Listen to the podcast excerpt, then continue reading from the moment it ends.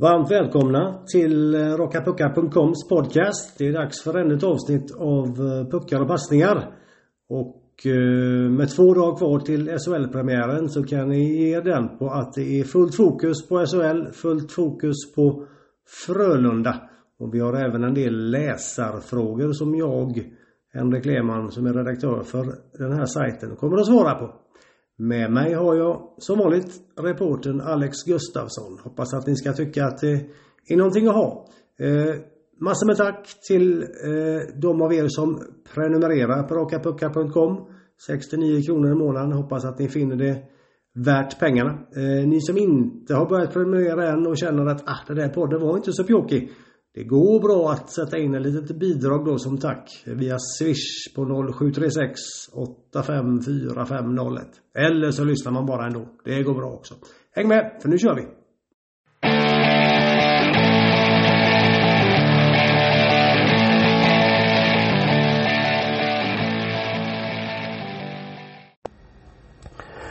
Alright Alex, då ska vi podda lite med fokus på SHL-premiären och givetvis allra mest Frölunaren. Nu är det bara några dagar kvar här. Eh, det kommer bli otroligt kul. Äntligen är det slut på sommaren definitivt när, det, när vi skriver 14 september här. Du har lite frågor till mig va? Vi dundrar väl in på dina läsarfrågor direkt mm. där i kommentarsfältet. Eh, Christian var snabb med att eh, undra det här med centerjakten. Den eh, fördröjda centerjakten som det ju blev i och med kräsenheten i Frölunda. Han skriver så här. Eh, jag vet att det undrats och frågas mycket om detta med ytterligare en center. Frölunda har ju själva varit rätt tydliga på att de söker en center till. Jag har själv varit fram och tillbaka. Rydahl är given, Las är ju given. Och då återstår Edström och Borg. Säg att en center kommit idag. Vem hade ni, eller tror ni, hade blivit petad? Ja det där är ju en vansinnigt svår fråga för att eh, Alltså för det första, för att vara tråkig så, så ser ju inte jag att en center kommer in här och nu.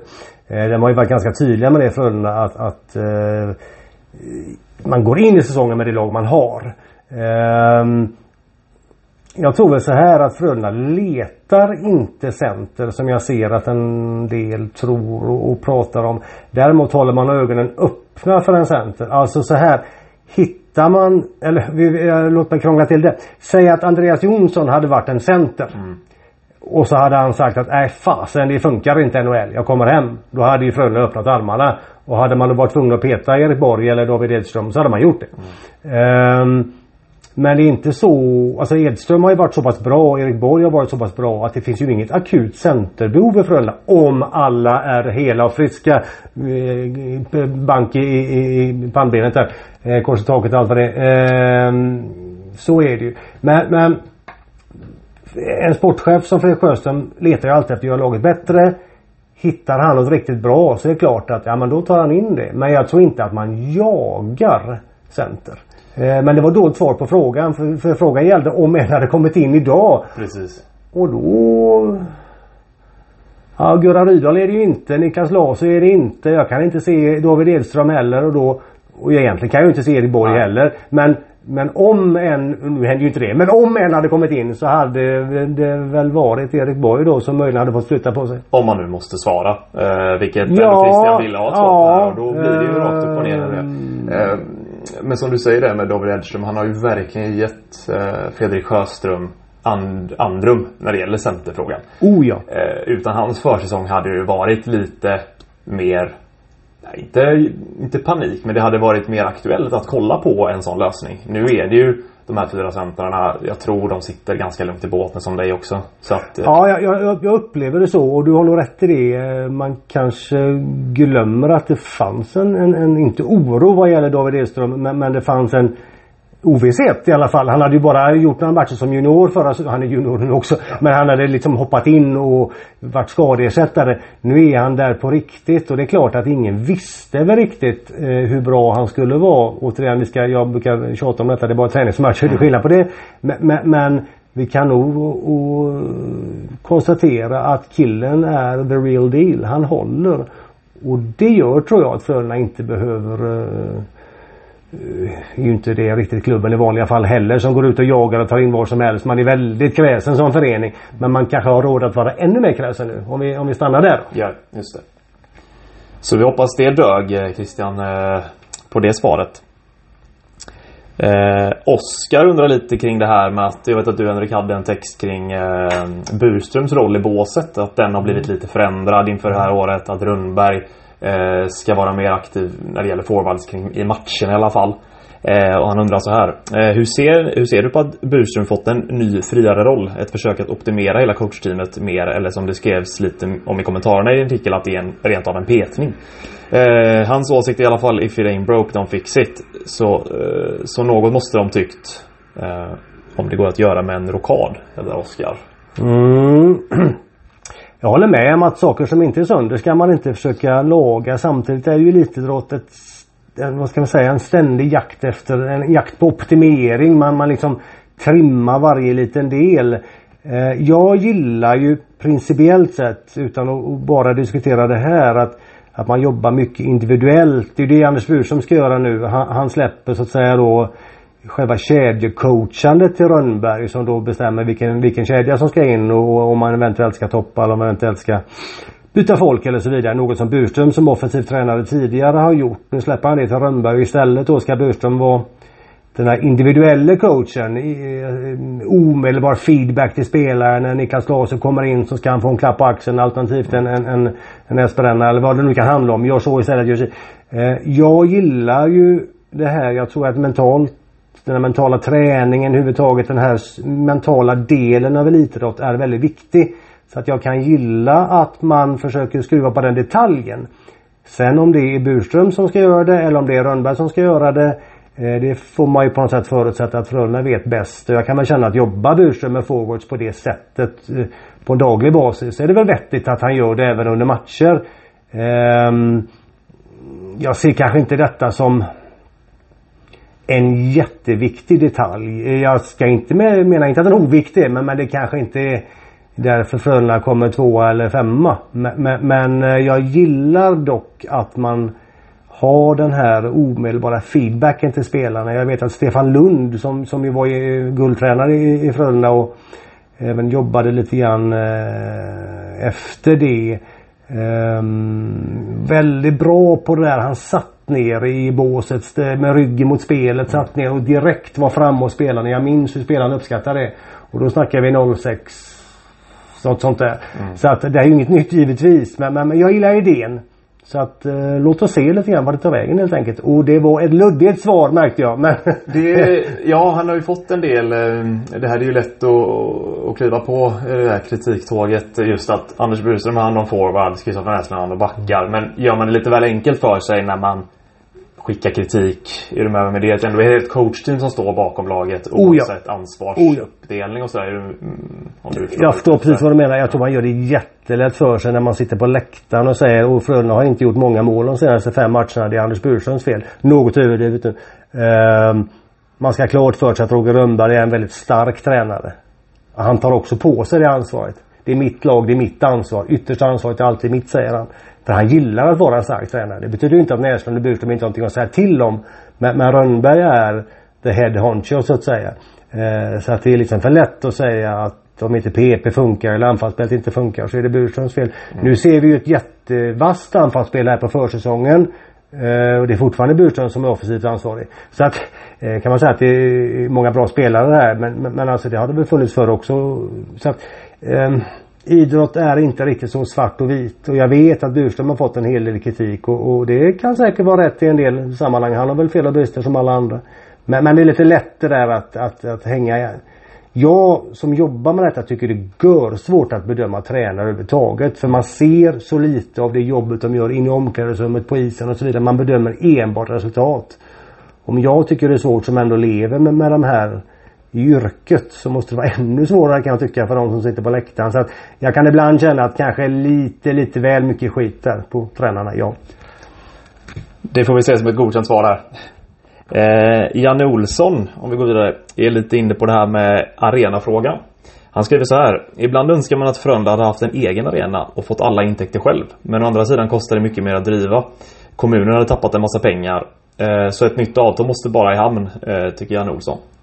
Eh, så tackar han också dig Henrik för jättebra information. Vilken snäll människa. Eh, arenafrågan är ju hyperintressant. Eh, jag satt idag lite grann med Fredrik Janlind på GP och, och presschefen i Frölunda Peter Kummer. Vi bara pratade kort om arenan eftersom vi diskuterade Skandinavium och, och, och möjligheterna som finns där och inte finns. Eh, jag vet när jag snackade med Lotta Nibell på Gotland i somras. Eh, så var vi ganska eniga att en ny arena är nog en tio år bort i alla fall. Det kan ju vara sju och ett halvt. Alltså, men, men det är en lång väg dit. Det finns knappt ett beslut fattat. Det är utredningar igen.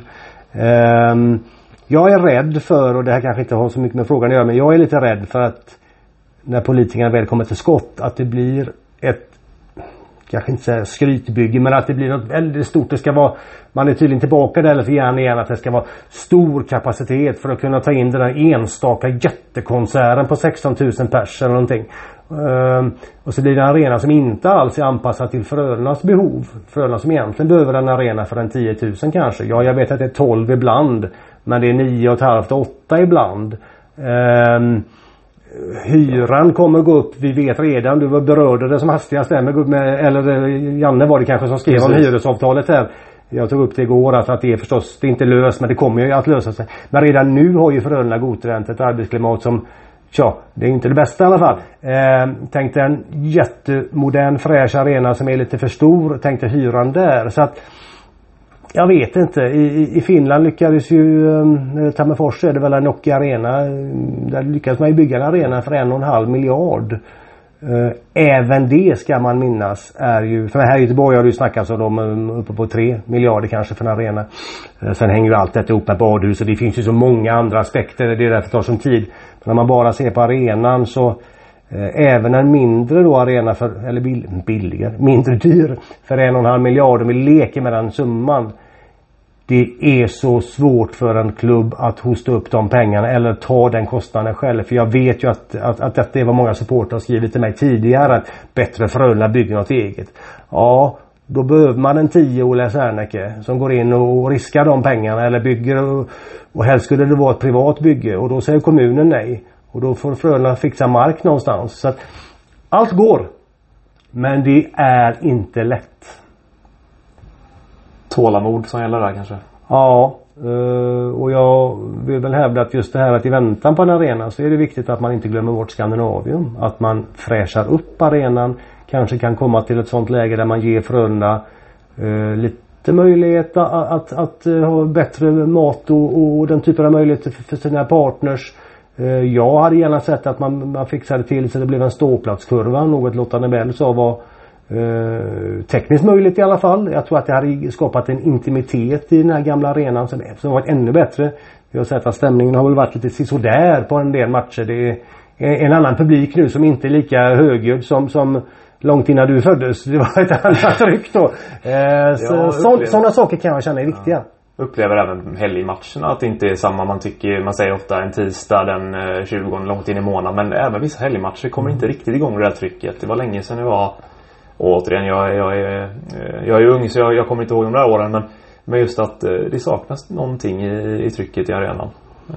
Ja, det, det, gör det ibland. Och, och goa gubbar och, och, och sektion 84 som då har haft sina stridigheter men som i alla fall som jag upplever försöker dra igång men man får inte med sig resten av arenan så ofta i alla fall. Det är klart en Färjestad-match en lördag, en, en, en sen eftermiddag. Frölunda gör, vänder 1-2 till 3-2 i tredje. Eh, det är klart att det händer saker. Eller när HV där har med sig en 1500 fans och, och sätter fantastisk färg på, på, på en match. Mm, men, men de andra matcherna då? Det ska bli spännande att se den här säsongen. Och det här har ingenting med frågan att göra men låt mig bara med min galna hjärna komma in på en annan sak. Eh, det finns ju en oro här nu. Vi kommer märka det när SHL startar på, på torsdag. Säkerhetsaspekten efter eh, korankrisen, efter det ökade säkerhetshotet i Sverige. Eh, åskådare kommer att visiteras, man får inte ha med sig väskor. Det finns, eller det kan finnas en oro hos människor att gå på stora evenemang. Naturligtvis inte bara idrott men, men alltså de här stora evenemangen. Kommer det att påverka SHL? Det vet vi inte. Väldigt svår fråga i och med att det, det känns ju bara som att detta är början med det här säkerhetsläget också. Så det, det har du rätt i. Det är någonting som... Eh, en pågående process som kan ta tid att få reda på absolut, hur det kan påverka. Absolut, det blir intressant att följa där och se vad, vad som händer. Ja, sorry du hade något mer där om samma man va? Eller hur var det? Nu har vi en ny man. Ah, en ny man. Är du redo för några Nej. snabba frågor? Okej, okay, okay. Karl tackar först för en bra bevakning av Frölunda. Sen härligt. är han först nyfiken eh, om vi har några uppdateringar kring Rosseli och där vet jag att du har väl försökt med Mats några gånger? Ja, han, han pratade med GP sen och, mm. och, och egentligen inte så mycket nytt. Han är med på en del förträningar. Frölunda tränar ju så att man börjar med en individuell del. Man åker runt, inte runt, runt konen men med lite tekniska övningar den typen av grejer. Så spolar man isen så går man om och så går man på med mera rejäl vanlig träning. Han har varit med på en del av förträningarna och eh, bara det faktum att han kan göra det utan att få bakslag är ju fantastiskt bra. Men man ska minnas att det är lång väg från det till att träna hockey, ta emot tacklingar, eh, vakna nästa dag och inte känna av dem när man har ehm, haft hjärnskakningssymptom. Så att eh, jag, nu har jag inte sett honom i veckan och det behöver inte vara något negativt. Det kan vara planerat att man tar det vackert och så vidare. Men rent allmänt eh, alla tankar är hos Mats och hans hälsa och jag tror att det får bli en bonus när han känner sig så bra att han kan göra vanlig hockeyträning. Och även då så får man liksom hålla andan. Okej okay, nu gör han en vanlig träning. Vad händer nästa dag? Precis, han har ju också en historik. Det är inte hans första hjärnskakning. Så att det, det, blir ännu lurigare då. Det, det, är lite lurigt, det är det. Ja. Eh, samtidigt är han ju väldigt eh, Det vet jag redan i norsk media i somras där att han liksom slog ifrån sig med, med närmast vilt det här med att karriären skulle vara över. Det liksom aldrig varit tal om något sånt sa han till norsk media och det upprepade han när han talade med GP i, i, förra veckan och jag får känslan lite grann att han är lite sur, eller sur men lite irriterad över att det ens har skrivit sånt. Förstår han aldrig? Ja precis, ja. precis så. Eh, och det är naturligtvis, det är väl positivt. En idrottsman måste ju vilja tillbaka. Det är ju hans driv, det är hans arbete. Mm. Så att jag förstår det. Samtidigt kan jag förstå att folk eh, som bryr sig om Mats som person naturligtvis känner att Herregud pojk, ska du våga det? Så att, eh, jag tror att det finns inga vettiga svar där. Det är, bara, det är bara att vänta och se. Det är en svår fråga. Fansen vill såklart se Mats Roseli Olsson tillbaka på isen.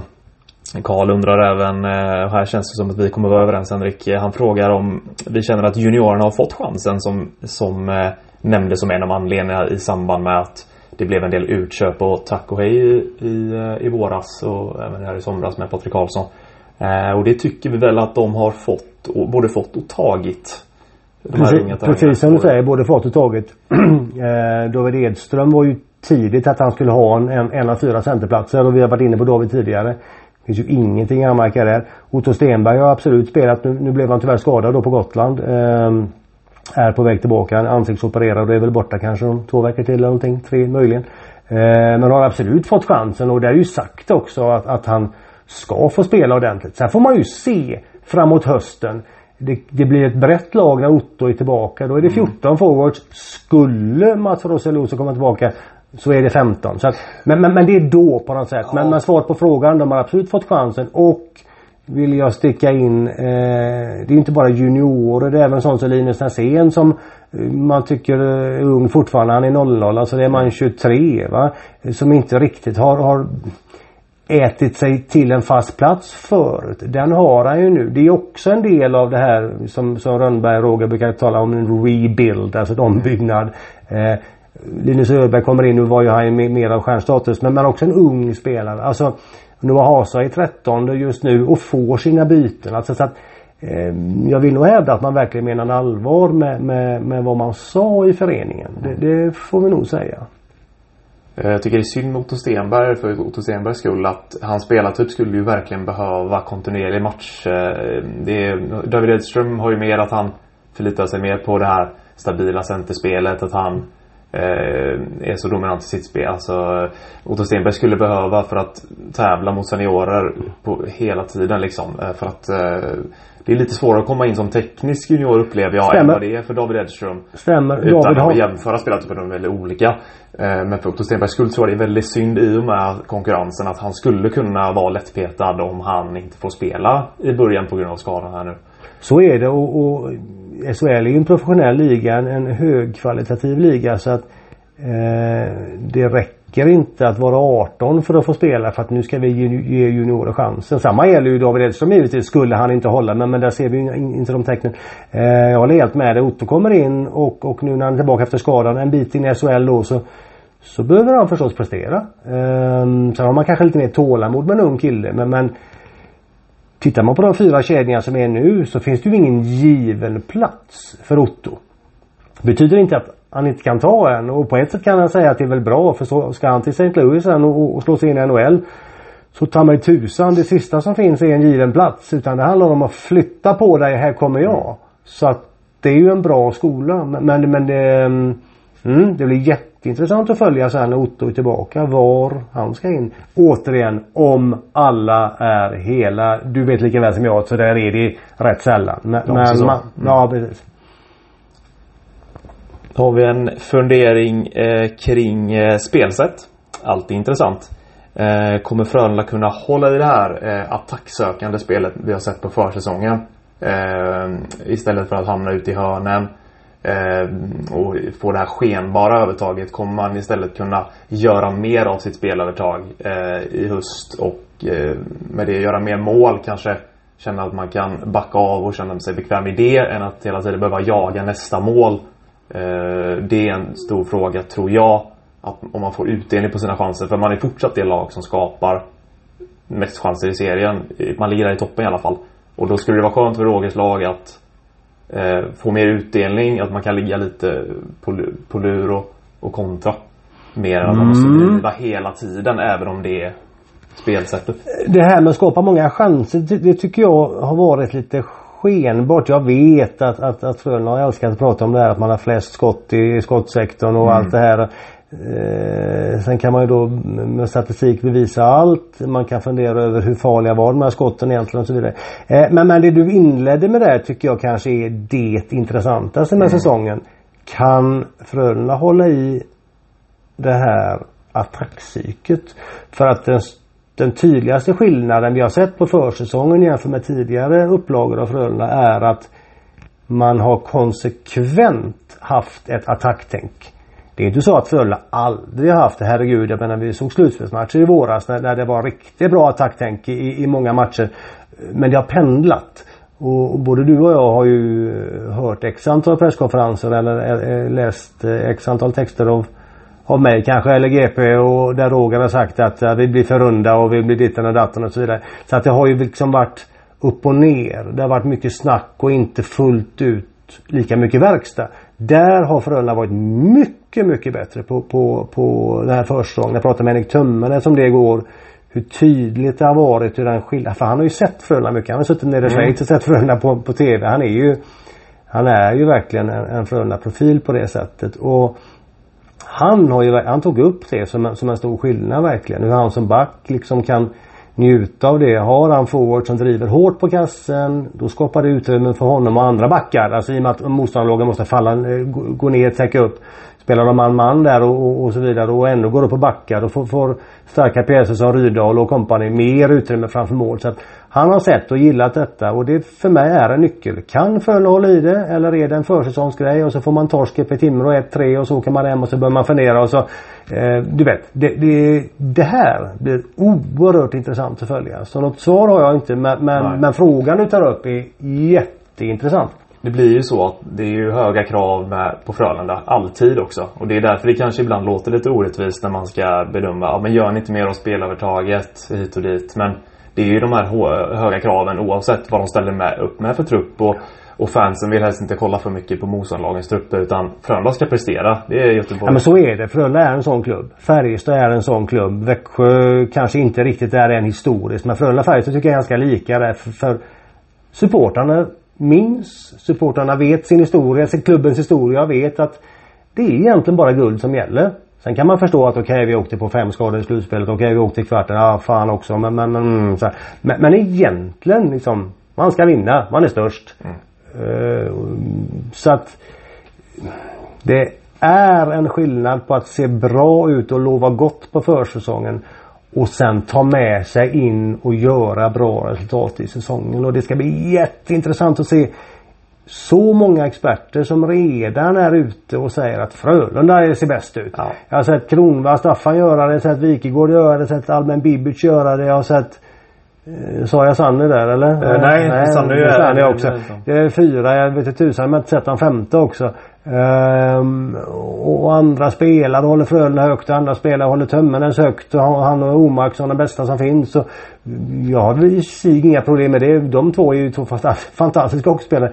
Men det blir en väldig press på Frölunda tidigt trots det här ombyggandet eller vad vi ska kalla det. Ja, det blir det. Ehm, så det vill nog till att det går hyggligt bra. I början. Det Ja. behöver inte naturligtvis vara 15 segrar på 15 matcher men, men i alla fall att man, att man liksom ehm, Rent journalistiskt för, för mig som följer det så, så skulle ju en, en gäng motgångar i början vara jätteintressant för då får man se vad de är gjorda av spelare och ledare.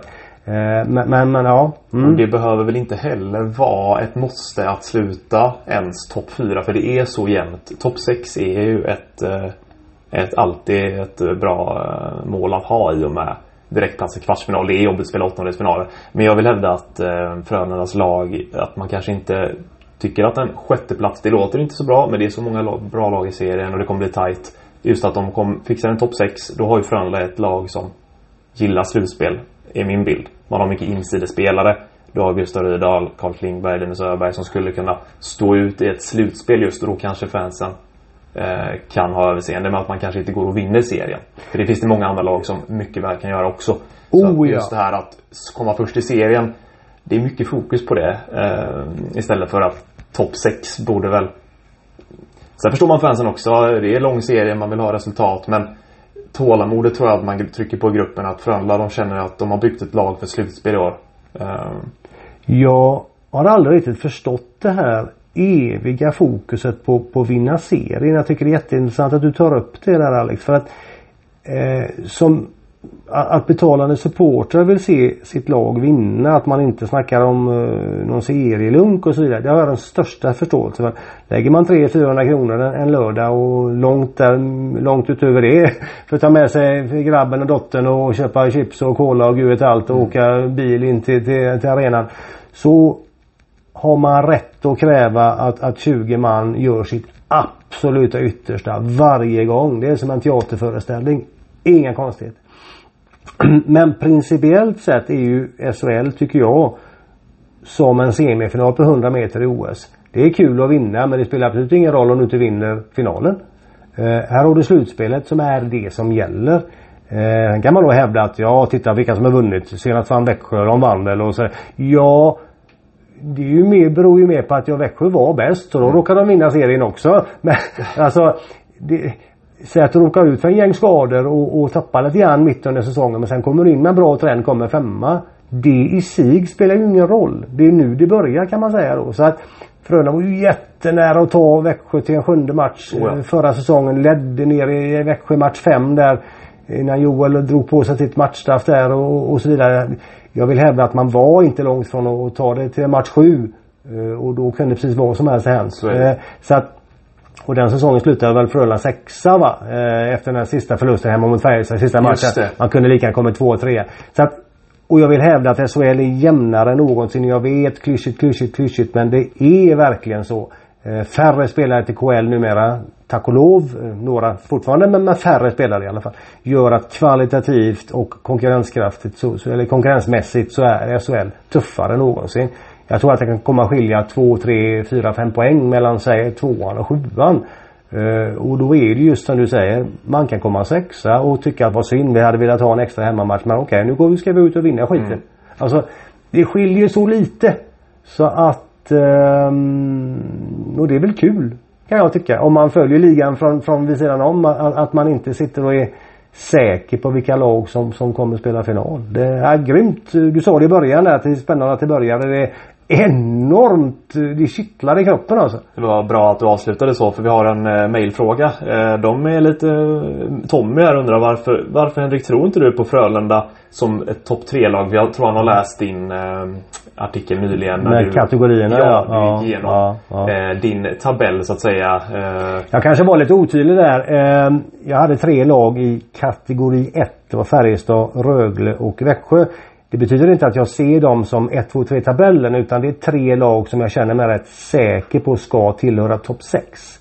Det är liksom eh, så säker man nu kan vara i en liga där man kan värva spelare fram till 15 februari. Men det är i alla fall liksom spelare, eh, förlåt, eh, lag som jag känner att de ska vara uppe. Eh, sen hade jag Frölunda i nästa kategori tillsammans med en jäkla massa andra. Luleå, Skellefteå och Örebro och Oskarshamn och gud vet allt jag hade. Eh, just för att jag har lite respekt för det här att när man gör en, för att nu citera Rönnberg då, bara engelska uttrycket rebuild. Så kan det ibland ta lite tid. Det är liksom inte en, en, en autostrada, det är ingen autobahn till framgång utan det kan gå lite knixigt och knaxigt ibland och, och man får ha respekt för det. Så att därför satte jag inte Frölunda i topp tre. Jag liksom sätter någon en pistol mot tinningen på mig så tror jag att Frölunda är ett topp 6-lag. Jag tycker Frölunda har kapacitet för att vara med och gå hela vägen i vinter. Jag tycker laget ser oerhört spännande ut.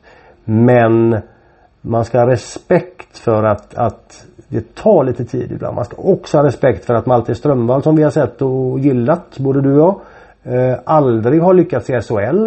Eh, kan bero på att han inte spelat där knappt på många år. Mm. Men, men eh, han har varit i Finland, han har varit i KL, han har varit i AL, gjort jättebra ifrån sig. Så att jag säger inte att han inte kommer lyckas. Men, men SHL är sannolikt världens defensivt tuffaste liga. Detsamma gäller Erik Torell som nu kommer hem här och, och ska lyckas i SHL. Jag känner bara att lite tålamod tror jag är bra om Frölunda supportrar har och därför kan jag kanske lite förvånas när så många experter omedelbart målar upp Frölunda som någon sorts, inte guldfavorit för det är det väl långt fram men i alla fall och etta i serien och tvåa i serien och det står mellan Frölunda och Färjestad och sådär. Jag kan tycka att eh, det kanske är jag som är gammal och, och trökig men jag vill nog se lite mer innan jag eh, drar iväg så långt. Men, men svaret på frågan är väl att jag kan absolut se Frölunda ta guld. Mm. Absolut. Jag känner att wow, spännande lag. Eh, lite grann som du var inne på. Jag, jag går in i säsongen och känner en, ett stort intresse och nyfikenhet på det här Frölunda-laget. Absolut. Mm. Så att um, mm. Du vill se mer än just det du har sett. Eh, men vi ser torsdagens motståndare är ju Timrå. Ja. Och eh, en eh, sammanställning som Hockeysverige gjorde förut såg jag att Timrå och Frölunda är de som har gått bäst på försäsongen. Det har vi det sagt i alla fall, även om vi inte ska läsa in för mycket i det. Men visst är det intressant? Två formstarka lag på försäsongen som ställs mot varandra i premiären. Ja, det är det. Eh, kanske inte så mycket för försäsongens resultat. Timrå har också har mött Modo några gånger. och Björklöven såg jag. Frölunda har, har också mött lag som kanske inte alltid hållit högsta klass, även om de har stark serie mot Rögle ska vi säga. Absolut. eh, men rent allmänt ser jag ju sådär liksom försäsong. Mm, ja. Men Timrå. Alltså jag förvånas lite att folk tycker, jag såg någonstans, jag vet inte om det var på, på Raka Pucka jag läste det förut eller någonstans att, att Timrå egentligen är ett lag som Frölunda ska slå. Alltså då har man nog inte riktigt koll känner jag på, på, på kvaliteten. Alltså Anton Wedin är fortfarande skadad, eh, skicklig anfallare. Han blev skadad mot Frölunda Skandinavien förra vintern. En, en tung knäskada så han saknas någon månad till tror jag. Eh, men om du tittar på, på Timrås första kedja, Filip Olander har kommit hem. Anton Lander leder den. Och så en viss Jonathan Dahlén i den. Va? Alltså det... frågan är ju om, om, om uh, men Frölunda har ju en jättefin kedja med, med Strömvall och Innala och, och Rydahl. Men, men, den här är ju sett till namnen, sett till också vad jag förstår hur den har sett ut på försäsongen. Det är ju en topp deluxe-kedja ja. i SHL. Så att Plus att Timrå har ju fler. Eh, jag menar man Didrik Strömberg som, som, som en eh, Christian Folin eh, gestalt i, i backlinjen. Det är väl möjligen eh, försvarssidan som kanske inte är lika stark som Frölundas. Men, men du har Robin Hansel, Tjeckien som center. Eh, Emil Pettersson, eh, före Växjöspelaren Elias eh, brorsa till exempel. Eh, Finske Mieho heter han väl som, som, som är en skicklig center där. Eh, Pääjärvi är kvar. Eh, namnmässigt, breddmässigt känner jag väl att Frölunda om man tittar över 52 matcher om vi räknar med att alla är hela friska hela tiden. Mm. Eh, så kanske Frölunda har ett lag som eh, breddmässigt då ska göra att man placerar sig någon placering eller två över i tabellen. Men i enstaka matcher så här kvaliteten Timrå kan ta fram. Och käre tid. Eh, och Jakob Johansson var en utsökt målvakt förra året och, och får nu konkurrens av Tim Juel. Eh, pappa Lander, Ante Karlsson är en utsökt lagbyggare och tränare. Så alltså den som räknar bort Timrå. Eh, som ju dessutom börjar få kontinuitet i SHL nu. Så att det är ju, det är ju liksom ingen nykomling längre utan tvärtom han börjar ju utåt sett ser han ut att få koll på det här laget och få dem etablerade i SHL. Så att eh, nej, jag håller med dig där. Det kan gå hur som helst. Dessutom en borta match som premiär. Så att absolut ingen enkel premiäruppgift. Nej, nej det, det, ska bli, eh, det ska bli ruggigt intressant. Men du, du har ju sett en del. Du har skrivit mycket damer men du har sett några herrmatcher också. Är det saker du har funderat över? Är någonting speciellt? Svårt eller spelare? Jag vet att fansen är spända på Malte Strömvall och jag... Eh, vi kan bara gå på det vi har sett hittills. Jag, jag gillar Malte Strömvalls kroppsspråk. Jag tycker att han, eh, han, han kommer in och visar direkt att han han, han är här för att bidra. Eh, han, eh, hans eh, kroppsspråk säger att jag vill också tävla. Jag, jag är inte den stjärnan som åker på en skridsko utan Sen är det klart, det är två matcher. Det ska göras hela tiden. Och det är klart att det hade varit katastrof om det inte såg ut så. Men likväl tycker jag om det och det man ser kring det. Och det behöver han hålla i för det behöver Frölunda. Han är den tilltänkta en av de tilltänkta stjärnspelarna. Så att det, den biten kunde inte ha börjat bättre med Frölunda. Jag håller med dig där. Han, eh, även om jag pratar om bredden där, för det har ju Frölunda fortfarande. Man är ju lite grann kvar i det här att jag tycker Frölunda och Färjestad är i samma läge att det går inte att hitta en fjärde kedja. Nu pratar ju Frölunda aldrig om sådana kedjor heller. Men, men även om man försökte så kan man inte riktigt hitta en fjärde kedja. Jag tycker till exempel Lars och Näsén har spelat och kvick och anfallsglad hockey. Så att om man med fjärde kedja menar liksom hålla tätt hockey så är det inte alls eh, Färjestad är precis likadana. Jag satt och kikade på deras lag häromdagen. Det är ju liksom eh, Björklund igen och Melinus Johansson och det, det är liksom det är alltså kvalitetsspelare i alla, i alla enheter. Så är ju Frölunda också. Men, för att nu komma runt till vad jag tänkte på, det som du var inne på Malte Strömman.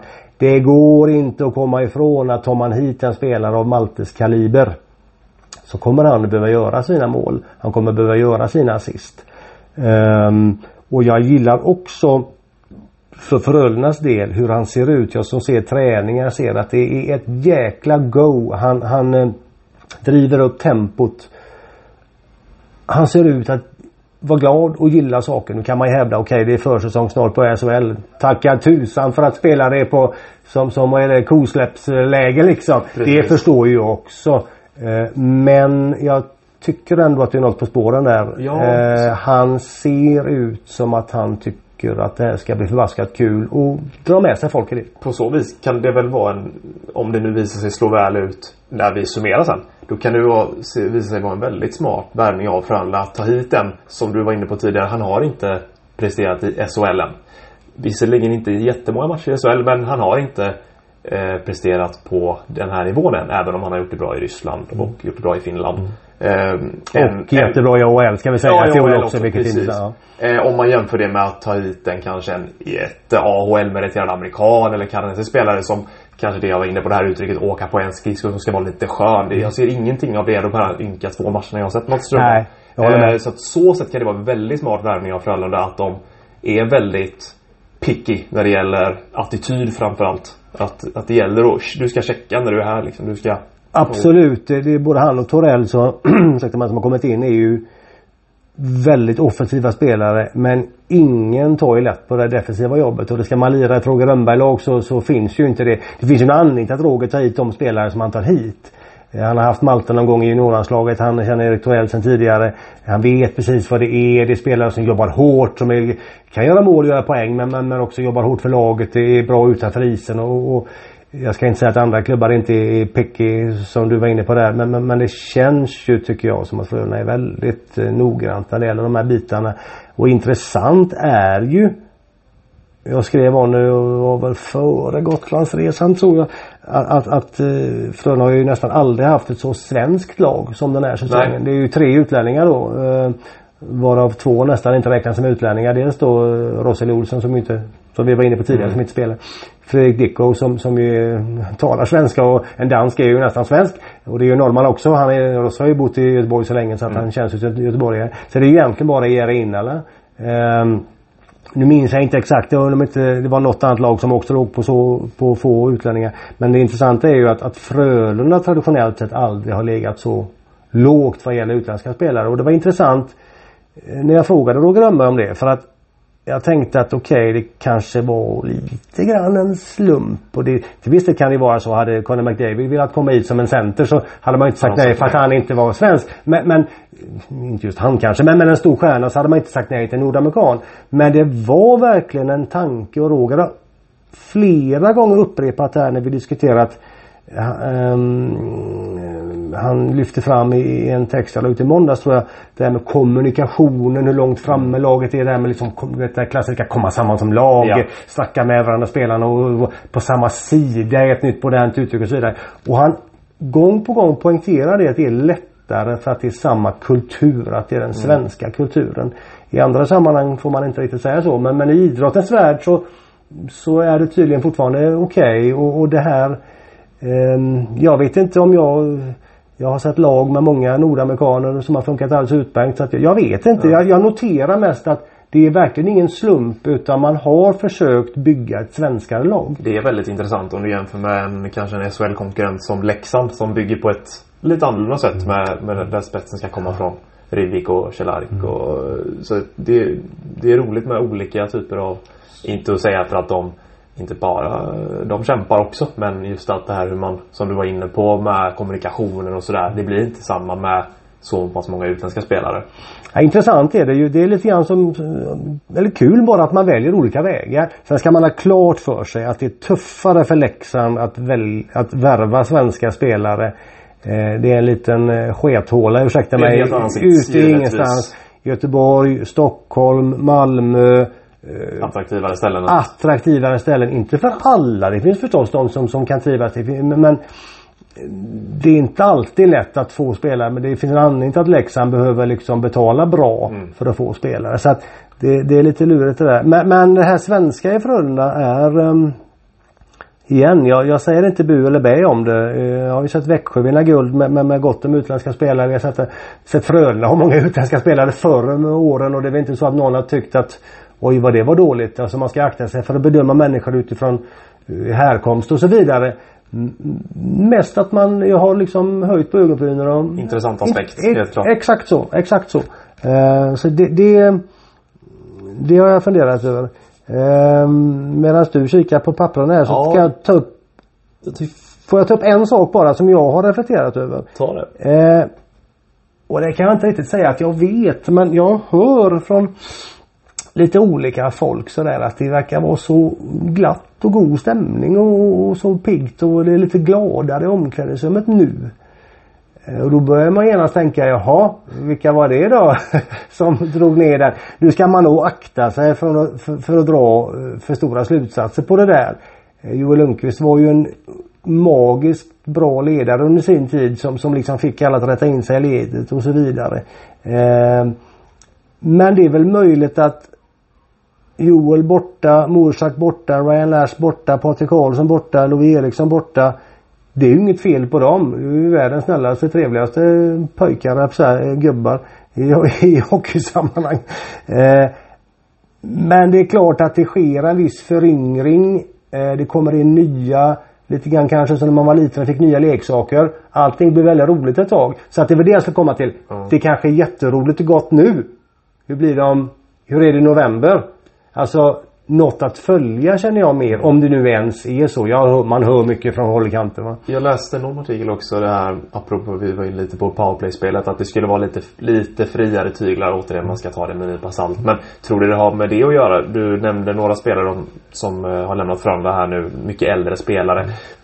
Tror du på ett mer fantasirikt Frölunda. Hur ska man säga? Ett mindre styrt. För det är ju förstås Roger Rönnbergs uppgift att bestämma hur, hur han vill styra sina spelare. Men eh, han har ju ett tydligt system. Tror du han rent av vill släppa dem lite, lite, lite friare. Tänker du just i powerplay eller? Nej, i spelet. Eh, men eftersom jag läste den här powerplay-artikeln. Men... Powerplay tror jag Alltså det, om man bara tittar på första enheten i Frölunda så finns ju så mycket individuell skicklighet så att egentligen är det ju bara att säga till Tömmernes Henrik att eh, du går ut och, och ställ dig här nu med, med Malte och Innala och, och Kurra Rydahl och Kalle Klingberg så kommer ni på lite varianter så kör ni på det. Alltså det finns ju sån enorm individuell skicklighet där i, i, i de fem spelarna. Jag såg när Frölunda avgjorde mot Rögle Skövde då var det fyra mot tre. Då var inte Kalle Klingberg med men det var de andra fyra.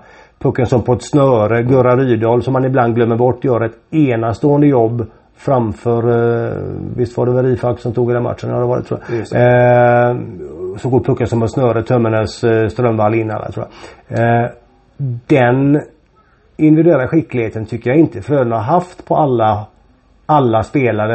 Framförallt har man ju saknat en powerplayback sen väldigt, väldigt, ja egentligen sen Tummenes ja. drog, drog till Schweiz. Eh, för, för, för, sex år sedan. Ja. Um, så bara det är ju viktigt. Men, men det finns ju jättemycket skicklighet. En sån som Strömvall som kommer in som man då tänker sig en, en målskytt. Han eh, lassar ju över pucken till innan så fort han får chansen för han vet att den hetaste klubban i Ja, på försäsongen i alla fall i SHL. Ge pucken till Innala. Det är ju liksom något ett mantra. Man har ju hört spelare sko skoja om det i omklädningsrummet. Ja. Liksom, att ge pucken till er och göra mål. Eh, men, men med så skickliga spelare så finns det ju ingen anledning att styra för mycket. Jag tänker Tömmernes sa det att eh, viktigast är att vi ska gå ut och ha kul. Även om det går emot och vi, vi kör fast här i höst. Vi ska gå ut och ha kul. Och det tror jag är väldigt viktigt. Och nu finns det hot från båda håll. Det blev för svårt att spela med Ryan Lash som aldrig sköt. För då var det lätt att försvara sig mot det. Det blev lite vägs ände. Det, ja, det, det, går idag i, i, så bra som SHL har blivit. Det är väl lite grann så. Det funkar ju. Man ska ju hade man varit Frölunda-supporter så hade man ju liksom velat ha en staty av Ryan Lash för han har gjort fenomenala insatser för klubben. Men SHL blev till slut så bra upplever jag så att det gick inte att spela med ett PP där en spelare aldrig sköt utan bara skulle trä in perfekta passningar. Nu har du Strömvall som kan skjuta passa på ena sidan. Du har Jerry Innala som kan skjuta passa på andra sidan. Du har Henrik Tömmernes på blå som är då en fantastisk PP-backe. Kan skjuta, passa och göra allting. Och du har Rydahl som, som är kanske snäppet bättre i PP än vad Joel Lundqvist var. Äh, enda man tappar egentligen är ju teckningsstatistiken där, äh, teckningsstyrkan. Och du har Kalle Klingberg. Så att den här, och då har vi bara nämnt första PP-enheten. Om inte det spelet fungerar då skulle jag vilja säga att då är det något fel. Ja. Så bra tycker jag att den enheten är. Det är intressant att du tar upp det för när Frölunda har varit som bäst i powerplay det är väl om nu Innala kan fortsätta med, sin, med sitt skarpskytte. Det är ju när Frölunda har haft en skarp skytt i sitt lag. Viktor Olofsson ett antal år. Casey Wellman ännu längre tillbaka. Det finns ett skotthot. Så att det är då de har presterat deras spel. Det måste finnas hot på alla positioner. Du får inte ge... Alltså, jag återkommer till det. SHL, jag vet inte om folk förstår det riktigt. Hur, hur, hur vi matas av, av bilder från NHL där förstås världens bästa spelare är. Tveklöst. Du har de största stjärnorna. McDavid och company och Matthews och allt vad de är. Men som defensiv liga, som, som defen, med defensiv struktur, ordning och reda, svårigheten för anfallare, svårigheten att skapa. Det är enormt tufft i SHL. Så att du behöver verkligen ha hot överallt när du spelar PP. Annars gör du inte mål. Så att eh, det ska bli jätteintressant att följa. Och som du var inne på där, du sa att uh, hur, någonting med Innala där, uh, exakt vad du sa vet jag inte men vi babblar så mycket nu. Men alltså om man kan hålla i det här. Återigen, vi landar där. Jerry Innala har gjort en gäng mål på försäsongen. De är ju av noll och inte ett värde. Om han aldrig vågar skjuta exempelvis uppe i Timrå på torsdag eller hemma i Skandinavien eller Leksand kommer på lördag. Alltså det är nu det börjar. Samtidigt kan vi inte göra annat än att prata om det vi har sett.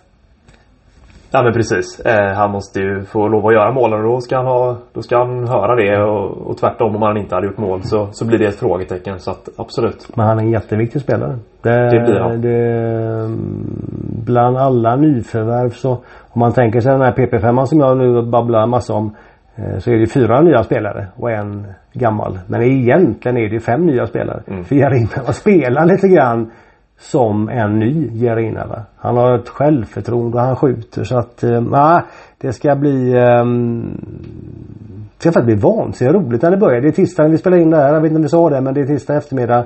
Och då är det två, lite drygt två dygn kvar till, till uh, premiären. Det är som man sitter och, och man är lite sugen nu. Synd att det inte är imorgon. Absolut, absolut. Är det något vi har eh, är det något vi har glömt att babbla om eller har vi babblat klart? Eller har vi, vi är inne på det här med säkerhetstänket lite grann. Jag tittar på mitt papper med mina små tjuv nedskrivna grejer där. Men, men det är inte så mycket mer att säga där. Det, det blir intressant dock. Alltså kommer det, kommer det 12 000 på lördag om Frölunda vinner mot Timrå eller är det 2 000 som stannar hemma för att de tror att det springer terrorister där och ska ja. bomba. Ja, man ska inte skratta åt det där men, men, alltså, men det blir intressant att följa. Tråkigt att vara hängande över sig eh, mitt i all SHL-hysteri så är det klart men eh, Nej, det blir, det blir intressant helt klart.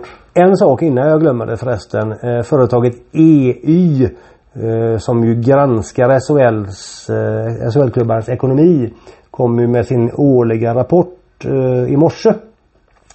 Eh, och nu måste jag tjuvläsa för annars kommer jag inte ihåg. Det är ju så att 2025 så, så när elitlicensen har ju förändrats. Den är ju procentuellt baserad nu. Förr var det ju att skulle man ju ha x antal miljoner eget kapital och så vidare. Nu är det ju en viss procent av den totala omsättningen. Och eh, till 2025 så ska den då procentsatsen vara att varje klubb ska ha minst 10 av, av, av, eh, den egna omsättningen, eh, den årliga omsättningen i eget kapital. Eh, som det är nu så är det faktiskt fyra klubbar som ligger under det. Nu är vi bara i 2023. Mm. 2024 ska det vara 8 eh, av, eh, av den totala omsättningen då. Malmö redovisade 7% förra säsongen. Linköping 6. Timrå 5. Örebro är på 8 och en sån klubb som Rögle som man tycker har väldigt starka investerare i ryggen när, där um, skånska företagare som pumpar in pengar som man eh, exempelvis såg till att Simon Ryfors kunde få plus 300 papp i månaden och så vidare. Um, Röga 11% Så att det här är också intressant och det är ju någonting för en annan podd och för, för, för andra texter men, men nu har vi simor avtalet som vi har kallat det för SHL. Man får nästan kalla det TV4 avtalet men det var ju Simor när, när det skrevs. Det gäller till 2030. Och det ska pumpa in och öka ju summan till klubbarna så det är nästan uppe i 55-60 miljoner om några år. Eh, men ett sånt avtal kommer ju aldrig någonsin att skrivas igen. Vi ser via Play har enorma problem, eh, skär folk. Fyran lägger ner program, program, program. Mm. Fyran då som, som nu har SHL. Eh, av Telia och diverse andra ägare där. Man kan ju se att eller säg så här, det gäller för SHL-klubbarna att verkligen spara lite grann i ladorna. Var det inte det Magdalena Andersson brukar prata om? Just. Eller politiker snackar om det, spara i ladorna. Eh, för att det kommer en dag när man inte kan hämta in så här mycket pengar. Och att en del klubbar redan nu ligger på ganska lite, eller ganska låg procent eh, i eget kapital. Givet eh, inflation just nu, givet höga räntor, givet elkostnader, givet terrorhotet. Mm. Eh, givet de frågetecken som finns vad gäller publik och så vidare. Så kan man bara, jag slänger bara ut det, man kan fundera lite grann att det är nog bra jag säger inte att det lägger för lönetak i SHL. Jag tror kanske inte att det kommer dit. Men, men jag skulle kanske inte alldeles haja till om det var någon klubb som lyfte frågan på nästa ordförandemöte eller sportchefsmöte för att eh, Frölunda ligger bra till kan vi för er som inte har sett de här siffrorna Ligger på, på eh, 36% av omsättningen i eget kapital. Färjestad är förstås bäst eh, 64, Skellefteå 48, HV 33, Växjö 27. Um, ehm, men, men det där är någonting att, att fundera över lite grann. Ja men det är intressant det där eh, mitt i allt när vi pratar om att huruvida SHL ska utöka lag som har varit uppe på tapeten nu också. Så man glömmer lätt bort det ekonomiska framförallt när man sitter som kanske supporter då. Det är inte högst upp på, på dagordningen då. Men eh, intressant att du tar upp det. Ja det är jätteintressant den kopplingen du gör där för att flera slänger ur sig det där att ah, det ska vara fler lag för det är fler lag som, som, som håller måttet. Ja mm. det kanske det kan vara men då urvattnar man ju samtidigt SHL. Och det man får ju liksom veta varför man vill göra det i så fall. Man får ha klart för sig att då är det fler lag som ska har del av samma ekonomiska kaka. Eh, och då kanske man måste landa någonstans att man sätter ett lönetak så att så, man, så klubbarna verkligen håller i sina pengar. Jag hade nog snarast jag gillar att det inte är för många. Jag var tveksam när man gick från 12 till 14. Mm. Eh, jag tycker att en, en fördel med SHL för klubbarnas del är att Allsvenskan är så pass bra. Det är ju världens bästa, eller Europas bästa i alla fall, andra liga.